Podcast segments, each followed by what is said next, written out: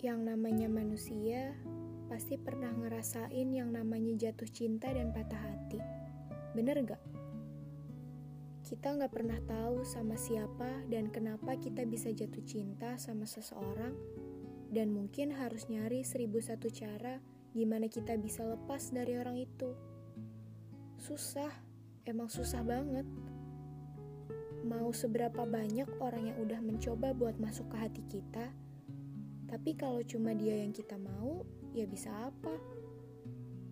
Terdengar egois memang, tapi yang namanya perasaan kan gak bisa dipaksain. Memendam perasaan sering banget dilakuin sama manusia-manusia yang gak berani ungkapin perasaannya dengan alasan takut objeknya menjauh.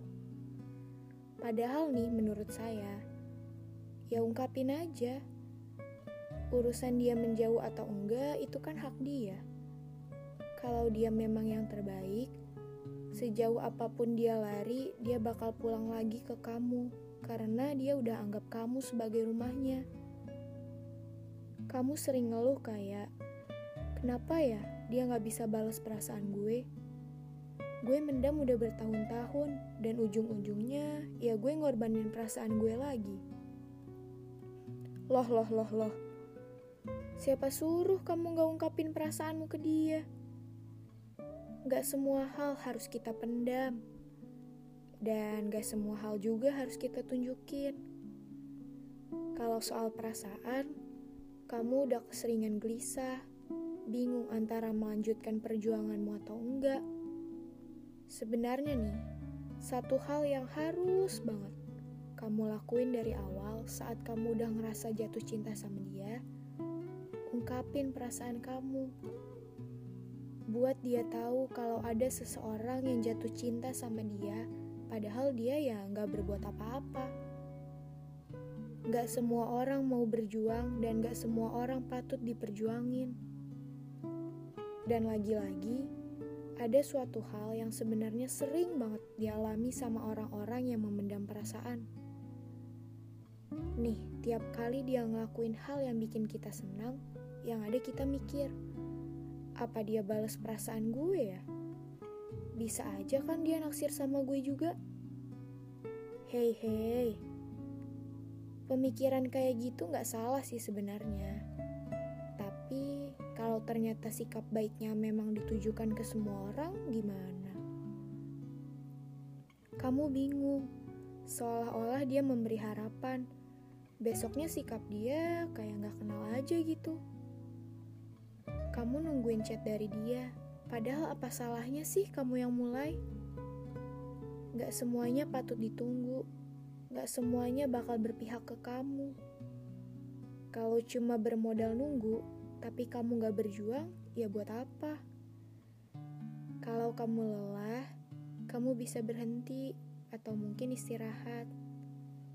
Kalau udah gak kuat, gak ada yang salah buat benar-benar menyerah.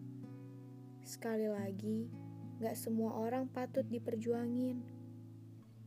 Coba deh pelan-pelan benar-benar buka hati buat orang-orang yang merjuangin kamu. Terkadang memang ya, kita lebih fokus mengejar sesuatu yang jelas-jelas gak pernah anggap kita ada. Dibanding menghargai orang-orang yang selalu ngasih perhatiannya ke kita. Gak apa-apa sih, itu wajar. Tapi jangan berlebihan ya kamu sayang sama orang itu wajar banget. Obsesimu buat milikin dia itu yang salah. Coba deh, kalau kamu benar-benar sayang sama dia, kamu coba ubah pemikiran kamu dengan enggak mengharapkan balasan. Luangin perhatian tanpa mengharapkan perhatian kita dibalas. Eh, dan lucunya nih ya, mengagumi dalam diam tuh ya, ngeliat hal kecil yang dia lakuin aja udah buat kita serasa melayang ke udara. Lucu banget deh kalau lihat orang lagi jatuh cinta. Apa aja dari diri dia terlihat sempurna. Gak ada yang kurang. Ada nih teman saya, naksir orang selama dua tahun. Gak diungkapin. Eh pernah ketahuan naksir sih. Alhasil dia menjauh. Gak tahu karena apa. Kadang orang-orang yang ditaksir suka menjauhkan diri tanpa alasan ya. Tapi serius, nunggunya sabar banget.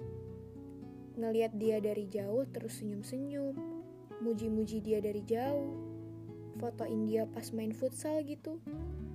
Nangis karena suka nggak sanggup ngeliat dia lagi ngejar yang lain. Menurut teman saya sih, mengagumi karya Tuhan tuh nggak perlu jauh-jauh keliling dunia. Cukup lihat kamu aja, saya udah kagum. Gombal banget sih. Tapi, hal menyenangkan dari memendam perasaan tuh nggak akan bertahan lama. Lebih banyak makan hatinya. Kalau sudah berani mengambil tindakan diam-diam menyimpan perasaan, harus berani mengambil resiko menangis dalam diam. Banyak yang bilang, kenapa sih nggak mundur aja? Kenapa sih harus tetap merjuangin dia padahal lo tahu dia nggak pernah anggap lo? Kalian gak akan paham gimana rasanya jadi saya yang mau berhenti tapi seolah-olah diberi harapan. Mau berjuang tapi seakan diperintah untuk mundur. Banyak juga yang nanya, kenapa nggak orang lain aja sih? Banyak yang lebih dari dia yang punya rasa sama lo. Tahu nggak jawaban saya apa? Karena orang lain itu bukan dia. Suatu hal yang biasanya saya nggak suka, tapi kalau ada di diri dia, bisa menjadi hal yang paling saya suka. Saya benci dingin, tapi sikapnya yang dingin justru bisa membuat saya jatuh cinta. Lucu kan? Saya aja suka menertawakan diri saya sendiri, kenapa bisa jatuh hati sama dia secara diam-diam pula.